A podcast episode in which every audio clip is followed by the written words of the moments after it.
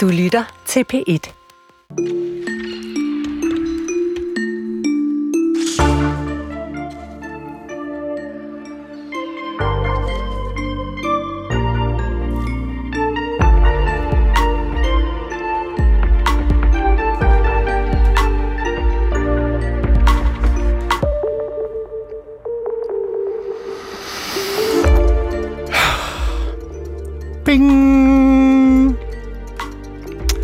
Nu vil jeg synge en lille sang. They try to tie us lips and hand, the spirit of our, our beloved land, when no one is threatened, when thinking is free. We have an inner certainty of strength and sought for liberty, of things that we like, of things that we love. Hvis du er skarp, så kan du sikkert godt høre, at det her det er en dansk oversættelse af Paul Henningsen og Kai Norman Andersens øh, Man binder også på mund og hånd. Susanne Brygger, hun har nemlig oversat den her dejlige klassiker, fordi at siden 2015, der har der været et stort projekt gang i EU, øh, på tværs af EU-landene, for at indsamle og oversætte vores forskellige nationers sangskatte til en kæmpe fælles EU-sangbog. Om cirka tre kvarter, der kan du høre hvorfor, og så kan du også høre Susanne Bryggers oplæsning af They Try to Tie Us, Lips and Hand. Bare rolig, jeg synger ikke med igen. Vi vender også blikket mod øh, Jødeborg, hvor den jødiske forsamling har sendt en mail til deres medlemmer med emnefeltet Råd til medlemmerne. På baggrund af angrebene i Israel og Gaza opfordres medlemmerne nu til at skjule jødiske symboler, ligesom de frarådes at tale hebraisk på offentlige pladser. Hvad det betyder og hvad det er for nogle symboler, det dykker vi ned i om øh, cirka en halv time. Du lytter til Kulturen, og i studiet er Maja Lyvang og Chris Pedersen. Tidligere øh, her i Kulturen, der øh, fortalte nogle af balletskolens øh, tidligere elever om, hvordan de udviklede spiseforstyrrelser i et meget kropsfixeret miljø på balletskolen i København. Men øh, hvor meget eller hvor lidt der skal til øh, for at udvikle en øh, spiseforstyrrelse i sådan et miljø, og hvad kan man gøre for at undgå det? Vi spurgte tidligere i dag Mia Bæk Lichtenstein om det. Hun er professor ved Institut for Psykologi på Syddansk Universitet og har forsket i spiseforstyrrelser inden for elitesport. Og vi startede med at spørge, om hun overhovedet blev overrasket, da hun hørte om problemerne med de mange spiseforstyrrelser på balletskolen. Det må jeg desværre sige, at jeg ikke blev så overrasket over, fordi vi jo ved fra forskning inden for andre områder, hvor krop og mad og vægt er i fokus, at der er en øget risiko for spiseforstyrrelser. Og det her er jo et miljø, hvor at der er ekstremt meget fokus på, hvordan kroppen tager sig ud, og det betyder noget, hvor meget man vejer. Og, og når det har en betydning for ens øh, præstationsevne, så er der bare en øget risiko for, at det kommer til at fylde rigtig meget, og også kommer til at fylde på en usund måde. Vi har talt med en af de tidligere balletdansere, der har gået på det Kongelige Teaters Balletskole, Isabel Dokkedal gik på skolen fra 2014 til 2020, hvor hun øh, allerede som 14-årig mødte en lang række krav og kritik af den måde, hendes krop så ud på. Da jeg blev 14-agtig, omkring 14, der begyndte min krop at udvikle sig fra barn til kvinde. Øh, og det var ligesom der, hvor jeg første gang blev mødt med kritik på min krop. Hvad var det her for en, øh, hvad var det for en kritik? Jamen, jeg fik at vide, at øh, jeg var for stor. Jeg fik at vide, at jeg var for tung. Jeg fik at vide, at der ikke var plads til mig. Øh, jeg havde ikke plads til at danse, fordi jeg var for stor. Og det får du at vide som, øh, som 14-årig? Det får jeg første gang at vide som 14-årig, ja. Jeg sagde fra rigtig, rigtig meget gennem flere år. Øhm, men da jeg så blev optaget på aspirantprogrammet, øhm, som en af de få, fordi det er lidt af nåleøjet at komme igennem til det, der bliver jeg mødt med endnu hårdere træning. Der er en meget hårdere tone omkring, at jeg skal bare tage mig sammen, og jeg skal bare tabe mig, og det er nu. Og hvad var det for nogle metoder, der så blev foreslået om, at du, øh, altså for Jamen, at du skulle tabe dig? Jamen altså, jeg blev sendt til diætist, øh, allerede da jeg var 14 faktisk, men der havde jeg en rigtig god snak, flere gode snakke med min diætist om, at der ikke var noget galt med mig, og jeg spiste helt almindeligt, og jeg, jeg skulle ikke tabe, altså hun sagde fra et ikke-balletsyn, så ville hun aldrig nogensinde sige til mig, at jeg skulle tabe mig. Øhm, nærmest modsat.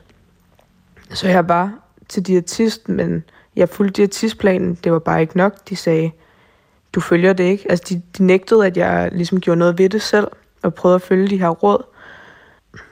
Så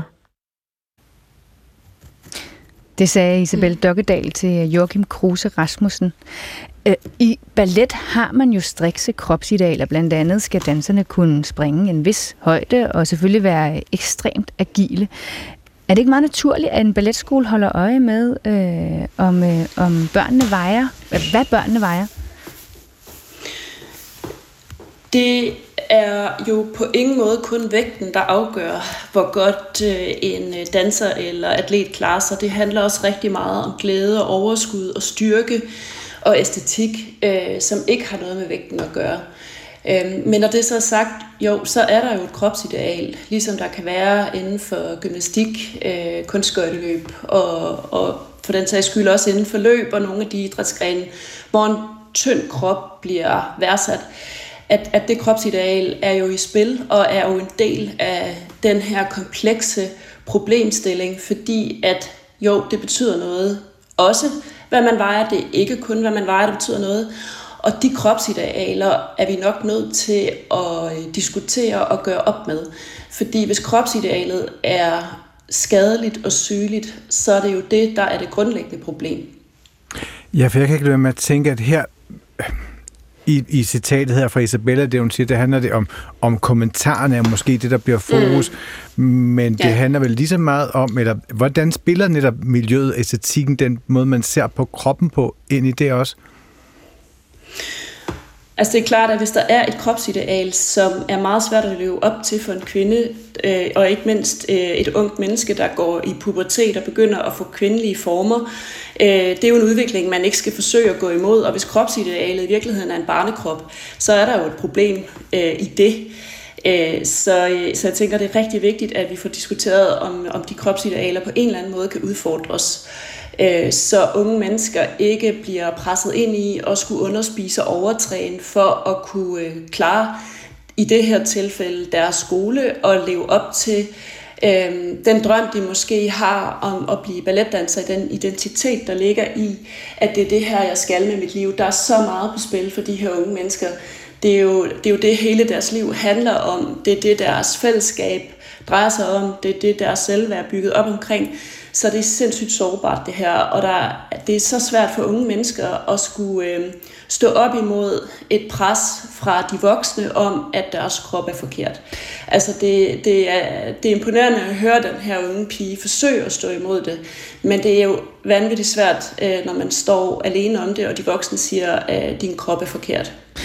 Mia bæk Lichtenstein, du har jo forsket øh, i øh, spiseforstyrrelser mm. omkring elitesport, og, og, og ved øh, jo virkelig meget om det. Nu sagde du, øh, det er forkert, når idealet er en barnekrop. Er det din mm. vurdering, at, øh, at, at det er det, idealet er øh, for det, for, i, i den her sag? Altså for ballet? Altså, det, der er i hvert fald ingen tvivl om, at idealet bliver en udfordring for rigtig mange øh, kvinder, og for den sags skyld også for drenge og mænd. Det skal vi jo ikke glemme. Men hvis det er, at man er nødt til at spise restriktivt og sulte og tabe sig og overtræne for at kunne leve op til kropsidealet, så er der jo noget galt med det kropsideal, fordi så bliver det ikke naturligt for langt de fleste kvinder. Det er måske nogle ganske, ganske få procent, der naturligt har en krop øh, med et et BMI, der ligger under øh, det, vi normaltvis definerer som undervægt, som er et øh, BMI på 18,5, som er det, der WHO definerer som undervægt. Øhm, så jeg tænker, ja, der, der er noget med det kropsideal, når det er så øh, ekstremt, at næsten ingen kan leve op til det. Og nu Isabelle, hun er 14 år, og du taler om unge mennesker, men mange af eleverne på balletskolen, de er vel snarere børn, fordi det, de starter som 7-8-årige. Mm. Mm. Hvor i et øh, barn eller ung menneskes liv er man mest sårbar over for for eksempel kommentarer om, at man er for tyk, eller møder med en diætist, mm. altså det her sprogliggørelsen mm. af, af, ja. af kroppen. Ja, altså jeg vil næsten sige, jo yngre man er, jo værre, for der er du endnu mere afhængig af de voksne, men når det så er sagt, så betyder, betyder det noget det? for os alle sammen. Jamen, altså, vi, det er sårbart for alle mennesker at få at vide, at de vejer for meget, og de er tykke. Men hvis du kun er en 7-8 år, der er du jo stadigvæk rigtig meget afhængig af, at de voksne kan passe på dig og tage vare på dig, og at dem, du har tillid til, at kan rådgive dig. Og hvis de rådgiver dig forkert, og du mister tillid til dem i en meget ung alder, så får det jo konsekvenser for resten af ens liv, måske. Fordi man mister tilliden til de voksne, fordi de giver ikke gode råd. Øh, og jeg tænker, at det man måske kunne spørge sig selv om, det er nu, når jeg læser i artiklen om nogle af de råd, der er blevet givet om at, at skifte måltider ud med vand eller cigaretter eller mandler osv., er det nogle råd, man vil give til sine egne børn? Er det nogle råd, man vil give til sig selv? Hvis ikke det er det, så er det nogle virkelig dårlige råd. Og hvis det er de råd, der er nødvendige for, at man ligesom kan leve op til kropsidealet eller passe ind i miljøet, så tænker jeg, at der er noget grundlæggende, der skal laves om. Du har jo et øh, stort fokus på, på spisforstyrrelser i elitesport. Hvor øh, i, øh, i elitesport ser man samme skarpe fokus mm. på de her øh, tynde kroppe? Altså det er inden for, øh, altså de æstetiske idrætter har jo noget til fælles med, med balletten, øh, og der ser vi en øget risiko for spisforstyrrelsessymptomer, altså øh, skøjteløb, dans. Øh, men det er også inden for vægtbærende idrætter som løb, øh, triathlons, øh, til dels cykling, svømning, altså hvor at, at kropsvægten betyder noget for, øh, hvor hurtigt man kommer i mål dybest set.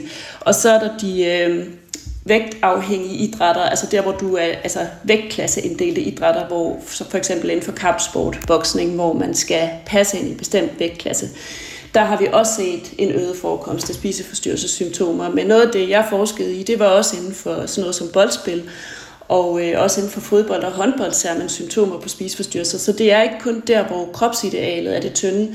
Det er også de miljøer, hvor man bliver målt og vejet øh, i bogstaveligste forstand, og hvor der er holdninger til ens vægt og ens fedtprocent, og hvor man måske endda måler på det, øh, og får at vide, at det skal være anderledes. Øh, det er sårbart for, for mennesker at få den slags kommentarer, og det vil jeg igen sige, det er det for os alle sammen.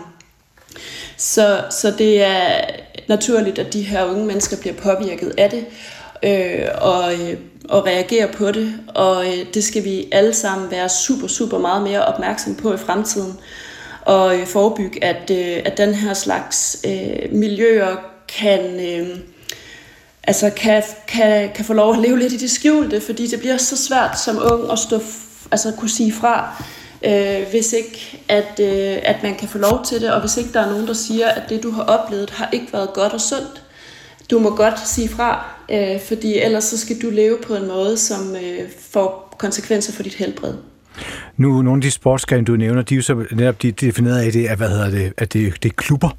Det er fritidsaktiviteter, mm. som så bliver til elitesport. Men, men det her, det er jo mm. altså forskellen på det og så balletskolen, det er jo netop, at det her, det er en skole. Hvor meget betyder mm. det for den identitet, som, som eleverne måske forbinder med at være elever netop på, på balletskolen? Mm.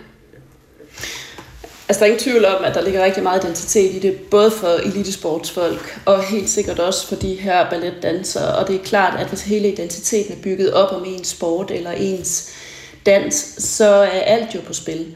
Øhm, fordi det er jo det, man, man altså, det, det, det er det, man både selv og andre ser en som. Øh, så, så på det mentale plan, så er der, så er der vildt meget på spil. Øhm, men, men, men det er der også på det fysiske, når man underspiser øh, og øh, træner så meget, at menstruationen udbliver. Altså det kan jo få fatale konsekvenser, blandt andet for knoglestyrke. Øhm, men, men, men det fysiske, fysiske helbred er også på spil, når det er, at det her det kommer til at fylde så meget. Øhm, men, men det er klart, at, at når det er både af ens skole og ens fritid, der er bundet op på det her, så, øh, så er det jo hele livet, det gælder. Jeg kan ikke lade være med at tænke på, at der var en fotomodel, der hed Alberte Clement, som øh, blandt ja. andet har skrevet en bog, der hedder Vægtløs, hvor hun fortæller om sit år mm. som, som topmodel, og netop nu hun mm. har fået knogleskød, fordi hun ikke har spist særlig ja. meget.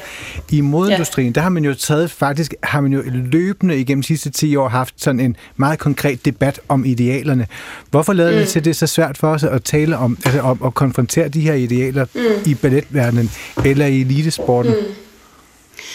Altså, der, der er helt klart noget tabu forbundet med at problematisere det her, øhm, og derfor er det rigtig godt, der kommer fokus på det, og vi tør snakke om det. Øhm, jeg tror, vi bliver nødt til, ligesom man også har været igennem en proces inden for modebranchen, øh, og indføre nogle helbredstjek for at sikre, at øh, de unge mennesker ikke øh, lider nogen overlast, og så skal vi drøfte, om der skal være nogle nedre grænser for, hvor tynd man må være, hvor lav ens fedtprocent må være. Det er en manøvre, man har været igennem i nogle norske idrætsgrene, og det synes jeg er noget, man skulle overveje at kigge på i Danmark også. Jeg siger ikke, at det nødvendigvis er den rigtige vej at gå, men jeg synes, det er en vej, vi skal kigge henad, øh, så vi simpelthen kan få sat nogle, nogle grænser for, øh, altså for, hvor tynd man må være. Men hvorfor øh, tror du... Fordi, Ja, Men hvorfor tror du, det er svært netop med, det lader til som, at det er sværere? Det ville jo have været naturligt, mm. når man havde haft debatten netop med modeller, at man så havde taget mm. debatten omkring kropsvægt og elitesport og ballet. Mm. Den, altså, vi har haft ja. muligheden for at gribe fat i flere år. Hvorfor er det, vi mm. ikke gør det netop i, i, i sport?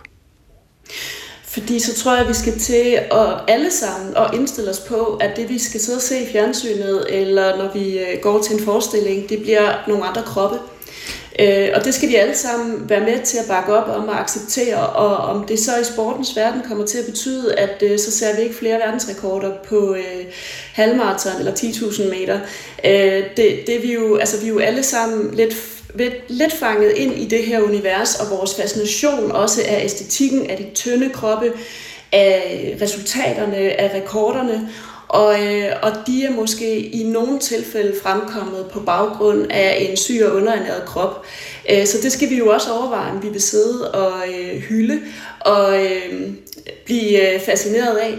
Så, så jeg tror, at den ligger mange steder, den her debat, og, øh, og vi skal alle sammen tænke over, hvad det er for nogle kroppe, vi egentlig har lyst til at se på. Mm.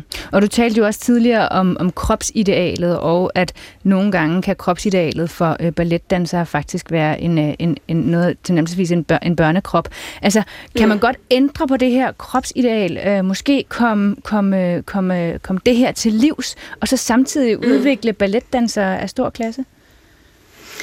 Altså nu er jeg jo ikke ekspert i ballet, så det, jeg tror ikke, jeg skal udtale mig om, øh, hvad det er for kroppe, der skal til for, at, øh, at de kan blive gode dansere. Men jeg kan udtale mig på baggrund af det, jeg ved inden for elitesporten, og der er det altså ikke kun vægten, det handler om. Og det, øh, det er jeg også helt sikker på, at man tænker inden for balletverdenen, at det også handler om udstråling og energi og glæde ved sin aktivitet, øh, og at fokus kommer til at ligge på det, og at man bliver smittet af den udstråling, der er i dansen, og det udtryk, der er i dansen, og ikke nødvendigvis af, hvor højt der bliver hoppet, eller om øh, det er en meget tynd krop uden øh, bryster og former, man ser på. Men øh, jeg tror, at det her, altså det her det er jo et eksempel på en større sådan, bevægelse i forhold til, hvad er det for nogle kropsidealer i det hele taget, vi vil fremme. Og det her handler også om sociale medier, hvor problemet jo også er. Mm. Øh, så der er en kultur, øh, som ja, er kommet til udtryk i mange forskellige miljøer, altså model, øh, mode, ballet, sport osv., men også på sociale medier, fitness, øh, ja. bikini fitness osv. Altså, så det her, det er, det er bare en del af et større problem, men det har nok været et meget lukket miljø, det her, og hvor man ikke har ville udfordre øh, kropsidealerne, fordi at ja, den tynde krop kan noget, øh, men det kan den desværre kun, indtil den går i stykker. Øh, så kan den ikke mere. Øhm, og det er de historier, vi ikke har fået fortalt. Altså, hvad er bagsiden af medaljen ved den her ultratynde krop? Jeg tror bare heller ikke altid, den er særlig bekvem, den sandhed for os, der sidder hjemme i stuerne. Nej. Øh, så det er også bare for at få bredt ansvaret lidt ud. Det her handler ikke kun om nogle dumme lærere eller en dum forstander. Altså, vi har alle sammen et ansvar. Og det sagde altså Mia Bæk Lichtenstein, som er professor ved Institut for Psykologi på Syddansk Universitet og har forsket i spiseforstyrrelser inden for elitesport. Og vi har kontaktet det Kongelige Teaters Balletskole for at give muligheden for at medvirke i programmet, men hverken teaterchef Kasper Holten eller balletmester Nikolaj Hyppe har ønsket at stille op.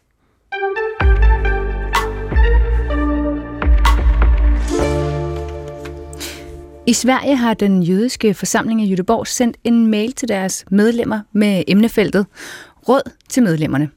I mailen opfordres medlemmerne til at skjule jødiske symboler og at man ikke taler hebraisk på offentlige pladser. Og det er Berlingske, der skriver det. Mailen kommer på baggrund af angrebene i Israel og Gaza, og fordi man i Sverige har set flere bilkaravaner, der dyttende kører igennem gaderne med palæstinensiske flag ud af vinduet. Og Janus Møller Jensen, museumsdirektør på Dansk Jødisk Museum, du er med os her i studiet. Velkommen til. Jo, tak. Hvordan reagerede du på nyheden om, at jøder i Sverige nu opfordres til ikke at bære jødiske symboler?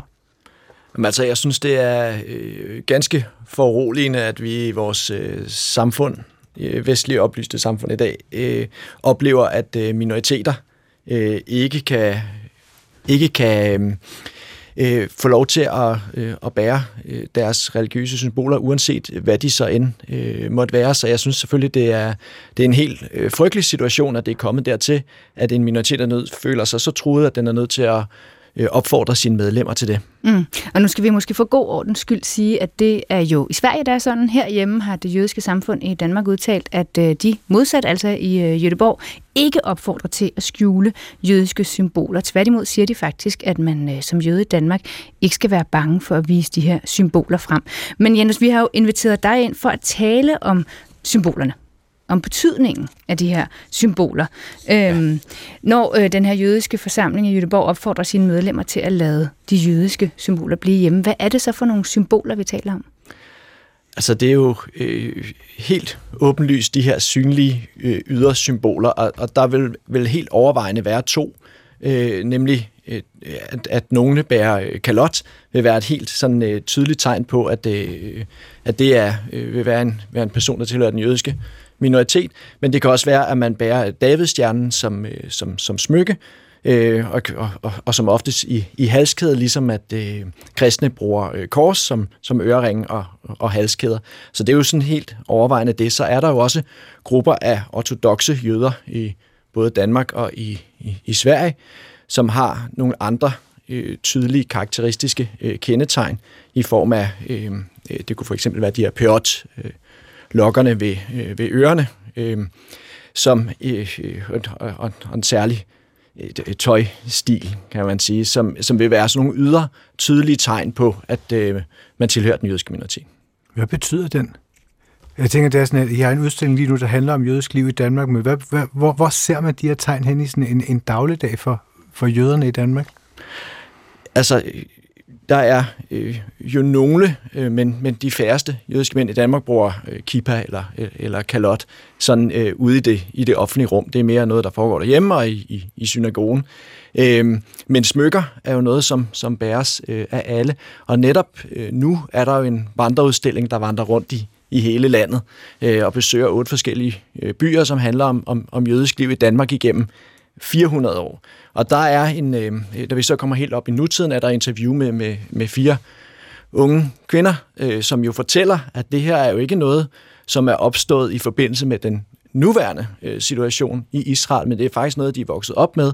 En øh, frygt for, eller i hvert fald en gang imellem, en betænkelighed ved at vise deres symboler øh, i offentligheden, så de øh, gemmer dem øh, under tøjet. Så det her er jo ikke, ikke noget, noget nyt, kan man sige, som er opstået her nu, men har været en del af virkeligheden øh, for, øh, for den jødiske minoritet i Danmark igennem øh, adskillige år.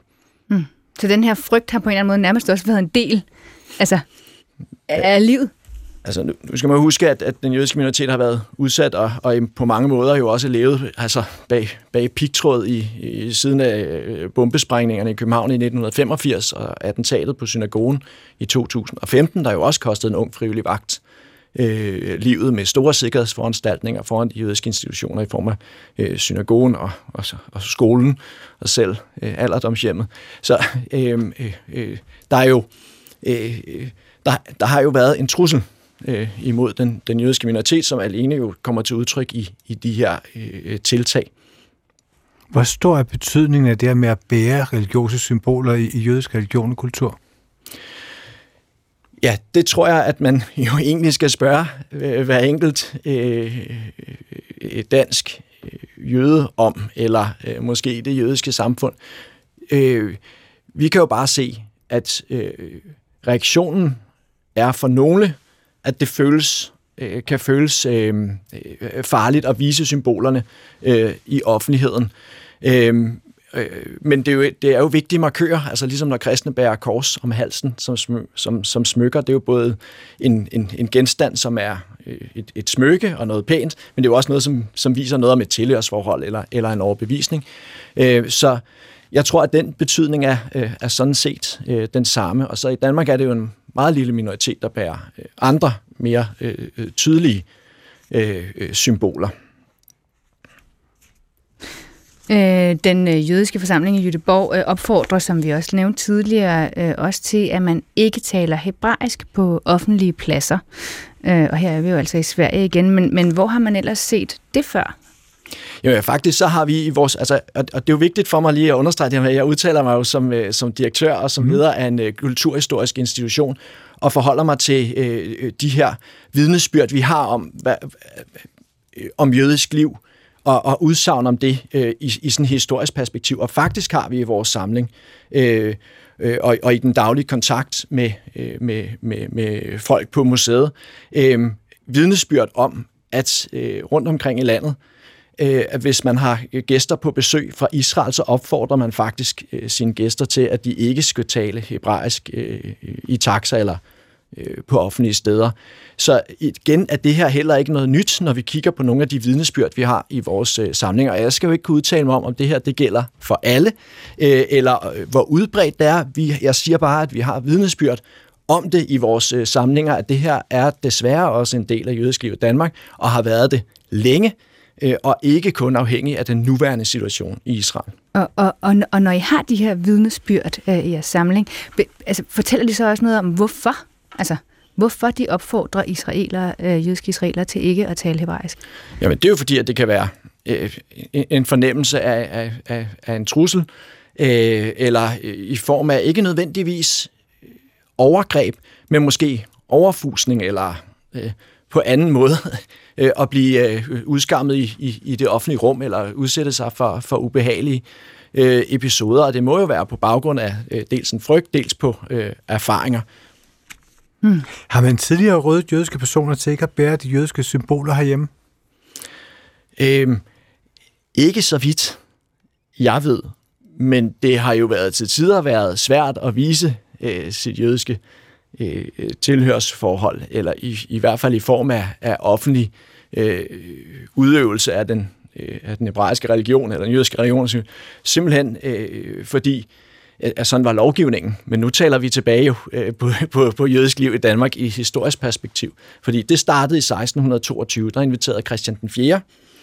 Øh, jøder af øh, den portugisiske nation, som der står i invitationsbrevet til at tage ophold i den nyanlagte by Glykstad, fordi de skulle hjælpe med at udvikle handel. Øh, jødiske handelsfolk skulle hjælpe med at udvikle handel, øh, blev indkaldt som eksperter til det øh, i starten af 1600-tallet. Og der bliver faktisk givet nogle ret vidtgående privilegier til at udøve den hebraiske religion, som der står i privilegierne. Det er blandt andet også ret til at oprette øh, begravelsespladser, øh, til omskærelse, øh, en, en øh, en række privilegier til også at dømme øh, i egne sager, men dog ikke øh, til at øh, oprette synagoge.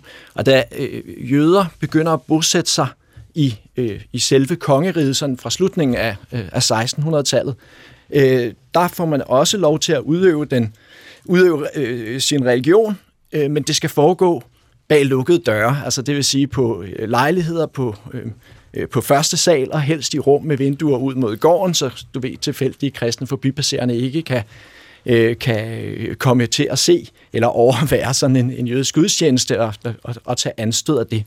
Og faktisk er der nogle borgerforslag i midten af 1700-tallet, som går øh, direkte på at øh, udskille den jødiske minoritet fra den omgivende majoritetsbefolkning ved symboler. Øh, men det er ikke i form af, af jødestjernen, det er egentlig et symbol, som faktisk kommer til lidt lidt senere øh, i historien, øh, men simpelthen i form af at bære, bære røde armbind. Og der siger den danske regering bare helt klart nej. Der er jo også et borgerforslag om, at alle jøder bør sendes til Grønland, som man lige har genopdaget, for så kan man konfiskere deres formuer øh, og dermed løse et økonomisk problem. Det siger regeringen også nej til, altså det, det er borgerforslag. Og faktisk i slutningen af 1600-tallet er der et forslag fra Københavns politimester om, at jøder de skal samles i en ghetto øh, på Christianshavn, og det siger regeringen også nej til. Altså så man kan sige, der er der har været tilløb til eller forsøg på at udskille den, den jødiske minoritet øh, ved symboler, ligesom vi kender det senere fra Nazi-Tyskland med den, med den gule jødestjerne. Øh, I Danmark tilbage i et historisk perspektiv, men der har regeringen faktisk øh, til alle tider øh, modsat sig sådanne tiltag. Lige fra 1600-tallet og frem til nu? Det kan man sige. Tusind tak, Janus Møller Jensen, museumsdirektør på øh, Dansk Jødisk Museum. Ja.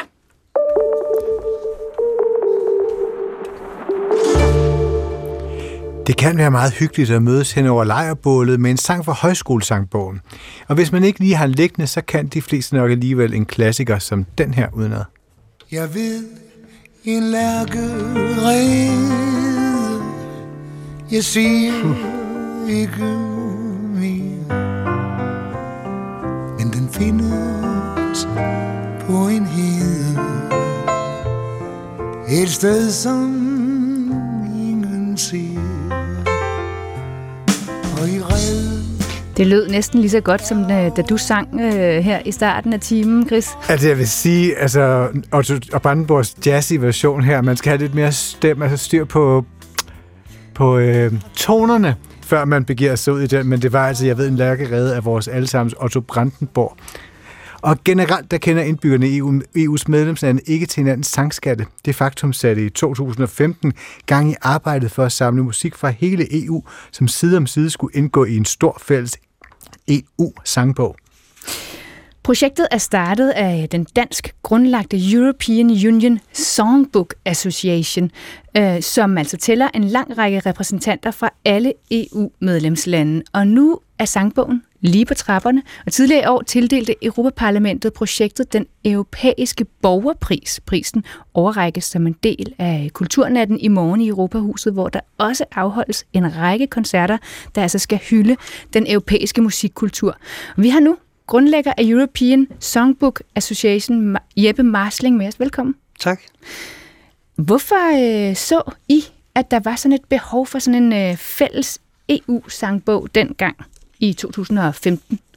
Altså, jeg tror, alle, der øh, er lige så gamle som os, har, har et meget lidt, altså et lille kendskab til de andre. Hvor gammel tror du, vi er? Ja, men altså plus 40. Altså jeg vil bare sige, jeg er gammel nok til at se uh, Kislovskis uh, film om, yes. om Europa, hvor, hvor, hvor der var en film, der hed Blå, hvor at man, uh, man længes efter en europæisk symfoni. Altså der var sådan et, uh, et, et slags en drøm om, om den her europæiske identitet, som jo er lidt spøgelsesagtig, fordi hvad er det i grunden?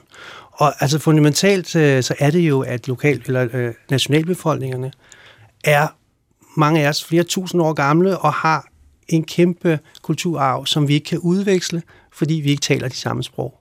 Nogle af os øh, har, har, har nogle forældre fra flere lande, og nogle af os har været dygtige i skolen til at lære flere sprog.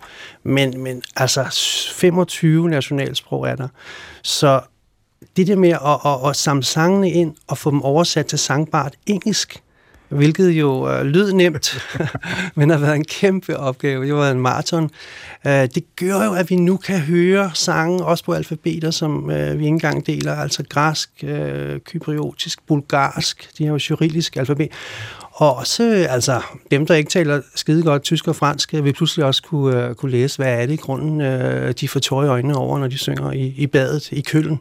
Mm. Og lige om lidt, der skal vi høre, hvad hedder det, Susanne Bryggers oplæsning af hendes oversættelse i binder også på, eller man binder også på bund og hånd.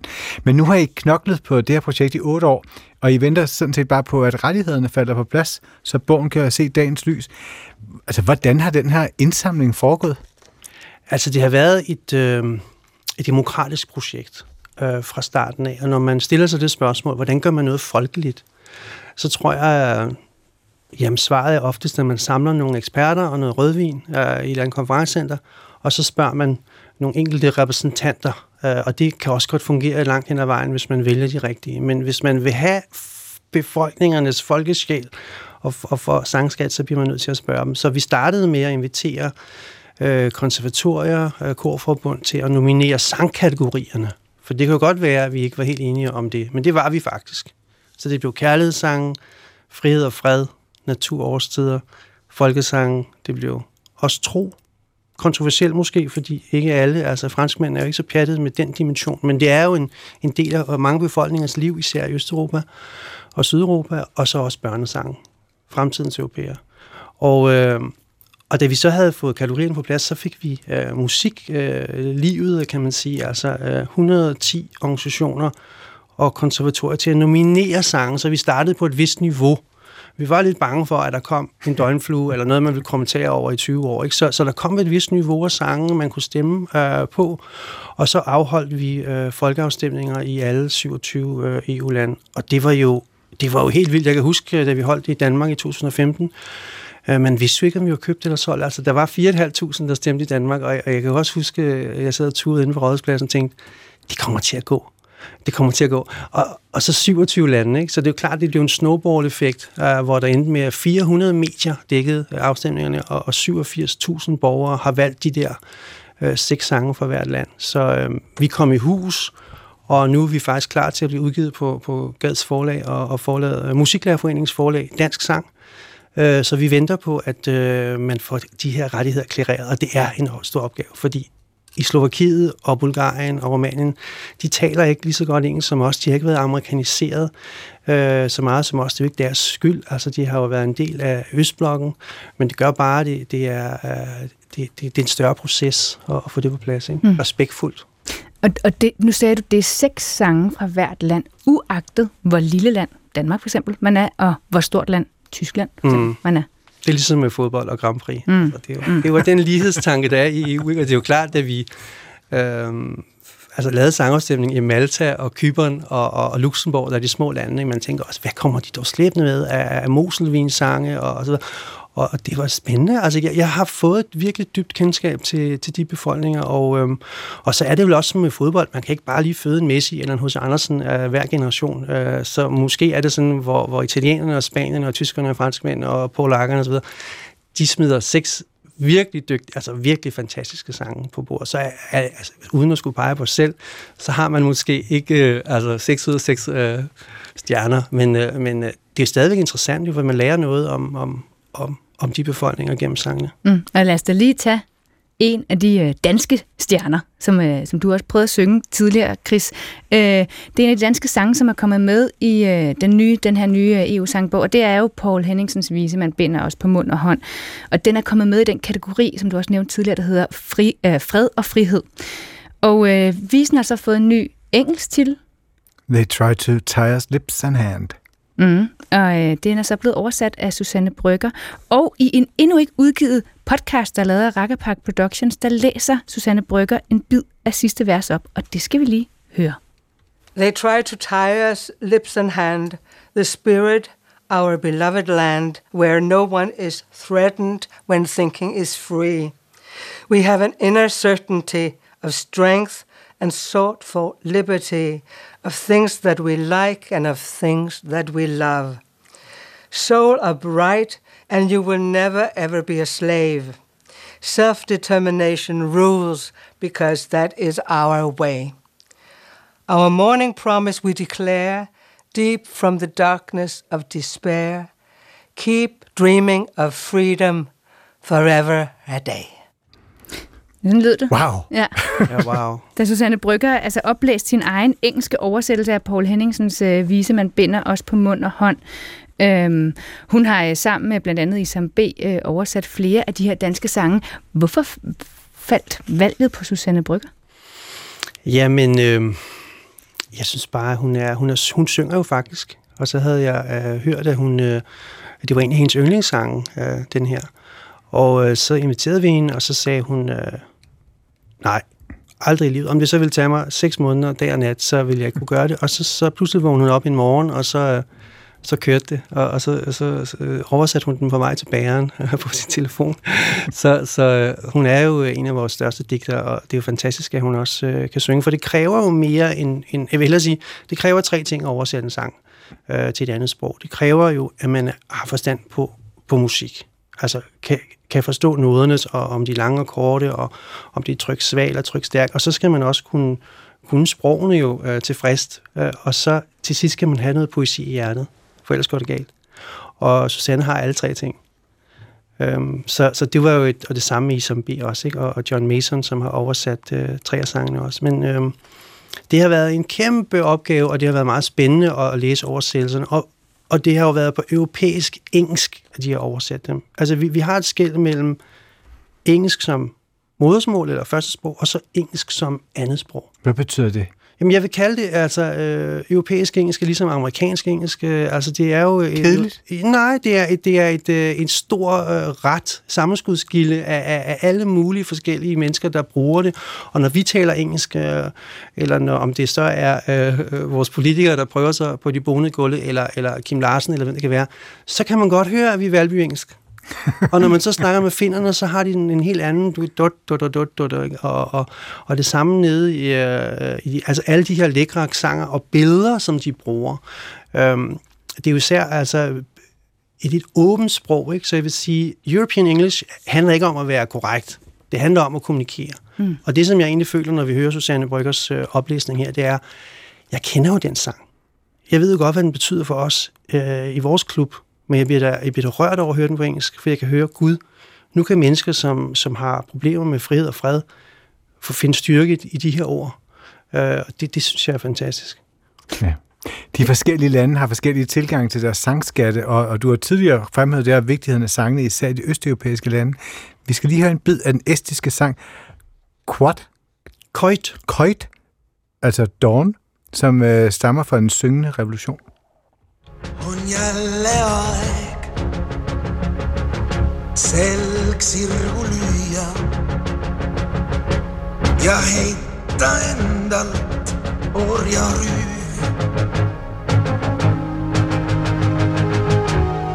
loomishooks kõik loode koos võiks sündida nii uuesti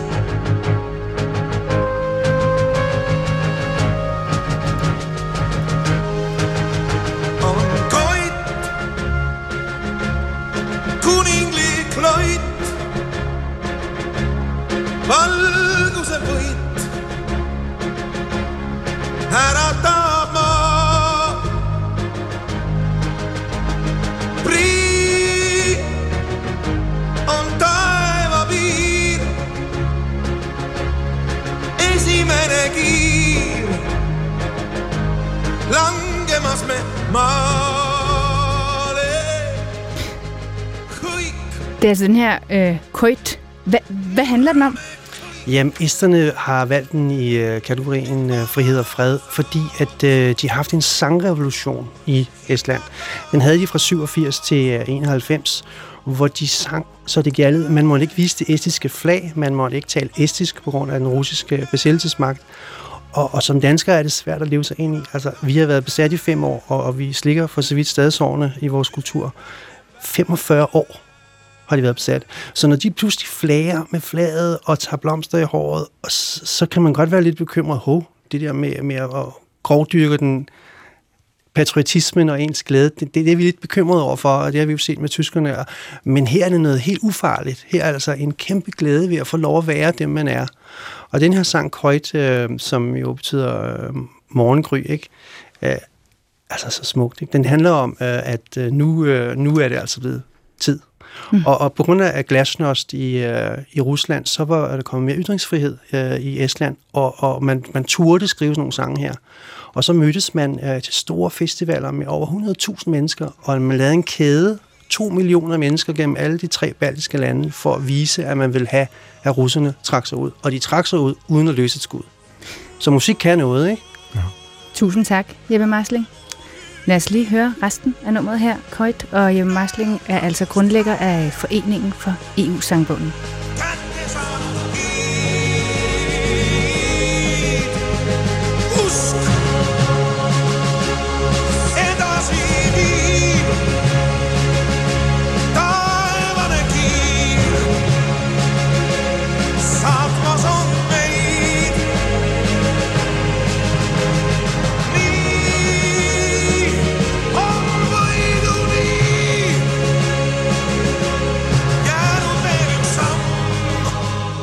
Det er altså øh, i morgen, at øh, det her projekt får øh, overragt den europæiske borgerpris af Europaparlamentet i Europahuset i København. Og øh, man kan komme derind, og man kan opleve en øh, række koncerter, der vil hylde den her fælles europæiske sangkultur.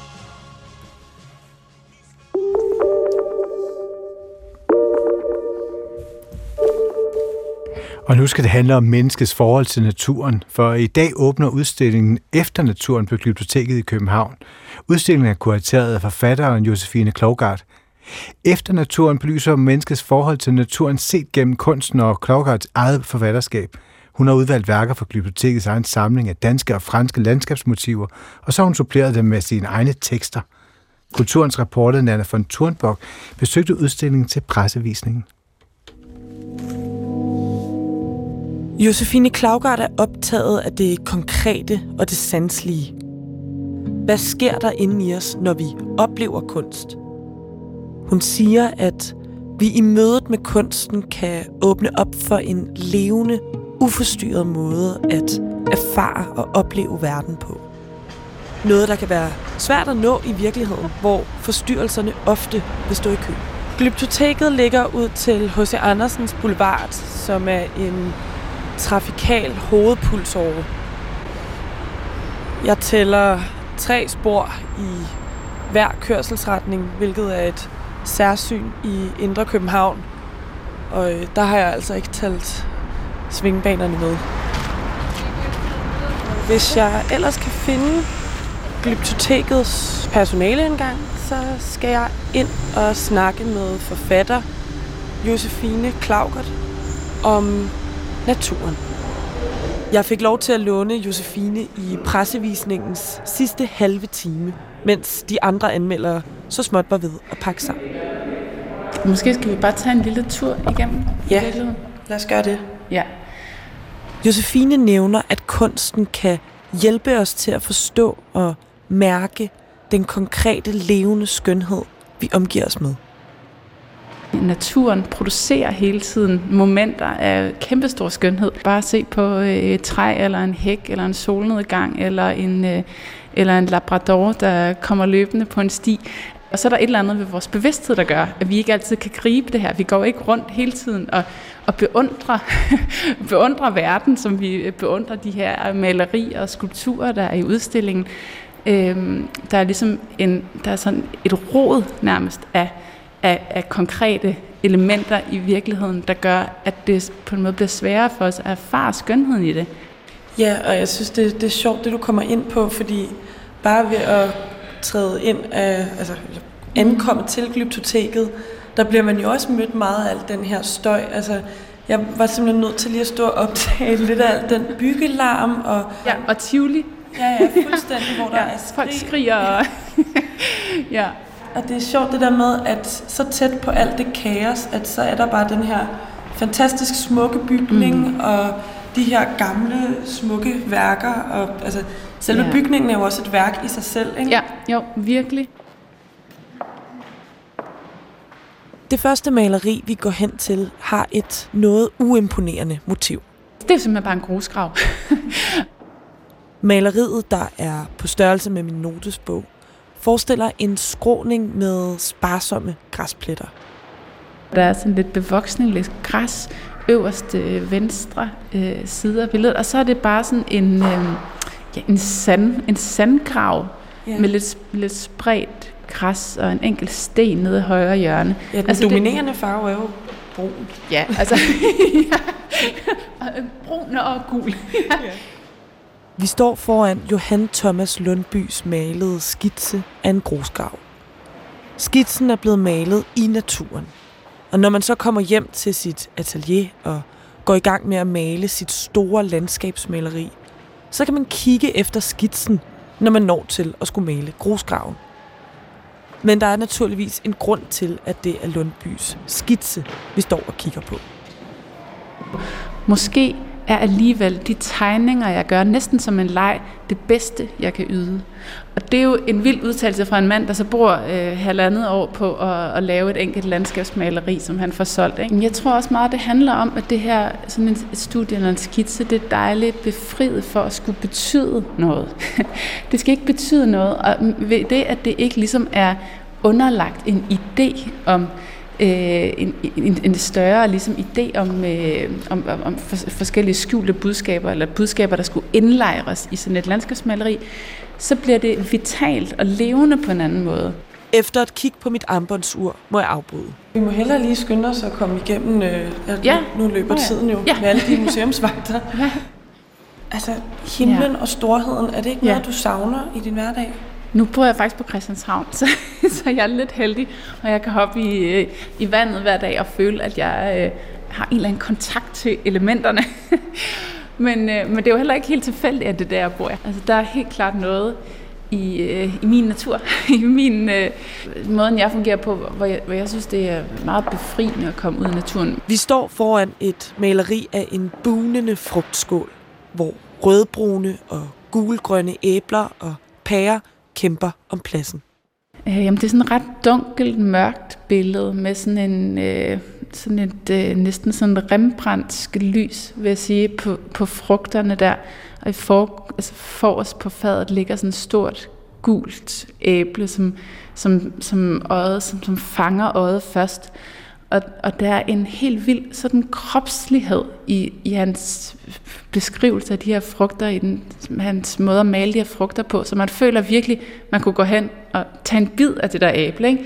Man forestiller sig jo kunstneren sidde med sådan en frugtfad foran sig her med æbler og pærer, men i virkeligheden så er det her malet efter øh, fantasien, drømmen om sådan et frugtfad, fordi den her maler, Kobe, som ellers var meget optaget af, at man kun måtte male øh, naturen, som den fremstod, som den stod lige foran dig, han blev, øh, han blev fængslet og sad en periode i, i et fængsel i udkanten af Paris, og, og her fik han så lov at male. Øh, og han har jo ikke haft sådan et frugtfad, sådan overdådet frugtfad til rådighed, men, øh, men så, så det kan man sige, det her det er i virkeligheden ikke et billede af æbler og pærer, det er et billede af en fantasi om æbler og pærer. Vi går op til udstillingens anden etage. Altså jeg er vokset op i Mols Bjerg, og det er jo noget, øh, altså det er et område, hvor, hvor man kan sige, at det, det minder meget om vild natur. Ikke? Altså man kan sige, øh, vi har nærmest ingen vild natur i Danmark. Altså udstillingstitel, det her efter naturen, det, det er jo, den er jo mange tydig. Det er jo også en titel, der taler ind i det her grundlæggende forhold, at vi siden industrialiseringen har øh, udplyndret naturen øh, til, til et punkt, hvor man kan sige, at vi befinder os i en tid efter naturen øh, i dag. Men, Nå, okay. Har vi fem minutter? Okay, fedt. Det er helt i orden. Vi skynder os. vi, vi faldt i snak. ja, det er det. Ja. Vi får aller noget lov til lige at komme ind i den lukkede afdeling. Ja, yes. det åbner først torsdag. Så yes, det gør vi. Tusind tak. Josefine viser mig hen til en sælsom gråbrun maske, formet som et kvindeansigt. Stefan Sending, som er øh, skulptør, øh, han har lavet den her sådan en, en døde maske, kan man næsten sige. Sådan et kvindeansigt. Øh, man kan se, hun har sådan langt bølget hår, og så er der øh, nogle spure, der sidder i håret. Og den ene spur, den har ligesom hele næbet inde i hendes mund, og man kan se, at der er ligesom noget mærkeligt organisk liv inde i den der mund. Altså det ligner simpelthen, at den har bygget rede inde i mundhulen. Ja, og det er sådan, sådan, at den har ligget i en skovbund, og man så ikke lige har fået fjernet de sidste par blade inden ja. fra mundhulen der. Ja, men når man ser den i dag, så er det jo også en skulptur, der, der handler om øh, naturens overtagelse Øh, en dødemaske, som, som taler ind i det her med, at, at vi også graver vores egen grav, og at naturen øh, i dens evne til at, at finde andre former osv., er jo nok det, der, der vil være her til sidst. Og helt konkret, så ender vi jo med øh, at blive mindet om det på den øh, tydeligste måde, man kan, at vi er, var, hele tiden var en del af naturen, fordi til sidst så bliver vi jo til støv og jord. øhm, så man kan ligesom som individ og kultur fortrænge det længe, det her faktum, at, at, øh, at vi jo egentlig bare er natur. Og det, det, vil, det vil sådan et værk som det her, det, det minder det os jo om, kan man sige. Ja, skal vi gå en smut ind i det sidste rum her, hvis vi lige... Øh, ja, hvis vi... Er det okay? Ja, for nu bevæger vi os ligesom fra kvinderne og landskabet ind i øh, et nyt, ja. nyt rum. Ja, vi slutter i det her lilla rum, som jeg har øh, kaldt en ny æstetik. Og, og hele den her udstilling, den handler meget om også at indkredse, hvad, hvor er det litteraturen og kunsten bliver levende, og hvor er det, den, den udfolder sig nærmest som natur og bliver til noget i sin egen ret. Der er noget, der er noget, der er lige så komplekst, som resten af den konkrete verden er det. Og vi går ud på Josefine Klogarts egne ord.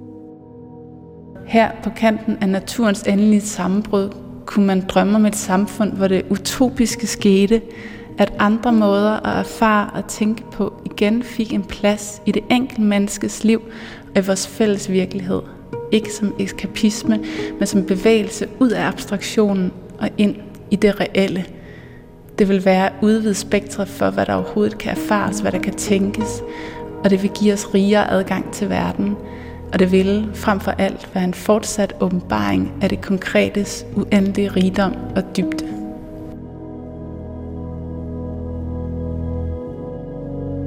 Ja, og nu... Øh, nu er der nogle nu vagter. Nogle vagter. Der er meget, nogle meget konkrete vagter. Ja, nogle meget, jeg tænkte også, hvordan kunne jeg lave en god segway? Ja. ja. Nu bliver vi bare smidt ud. Ja. Ja, ud af naturen, tilbage ja. i kulturen. Det er godt. Ja, men altså, udstillingen åbner på torsdag, der bliver man ikke smidt ud. Nej. der bliver man inviteret ind. Ja, tusind tak. Ja, tak for det.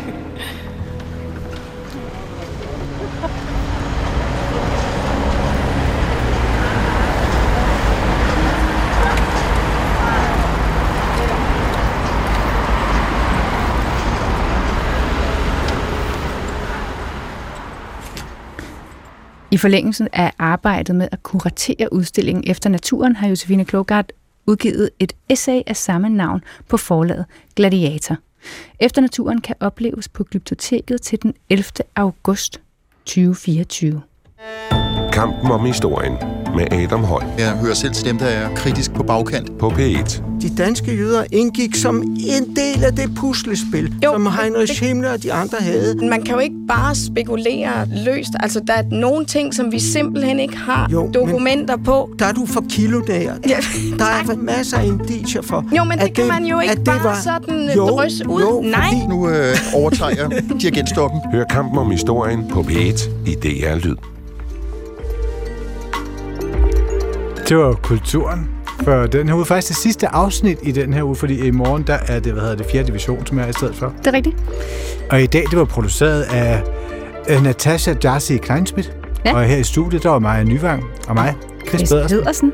Vi lyttes ved i næste uge. Håber jeg da. Jeg vil i hvert fald lade være med at synge. Hvis du lover det. Nej. Vi er tilbage på mandag.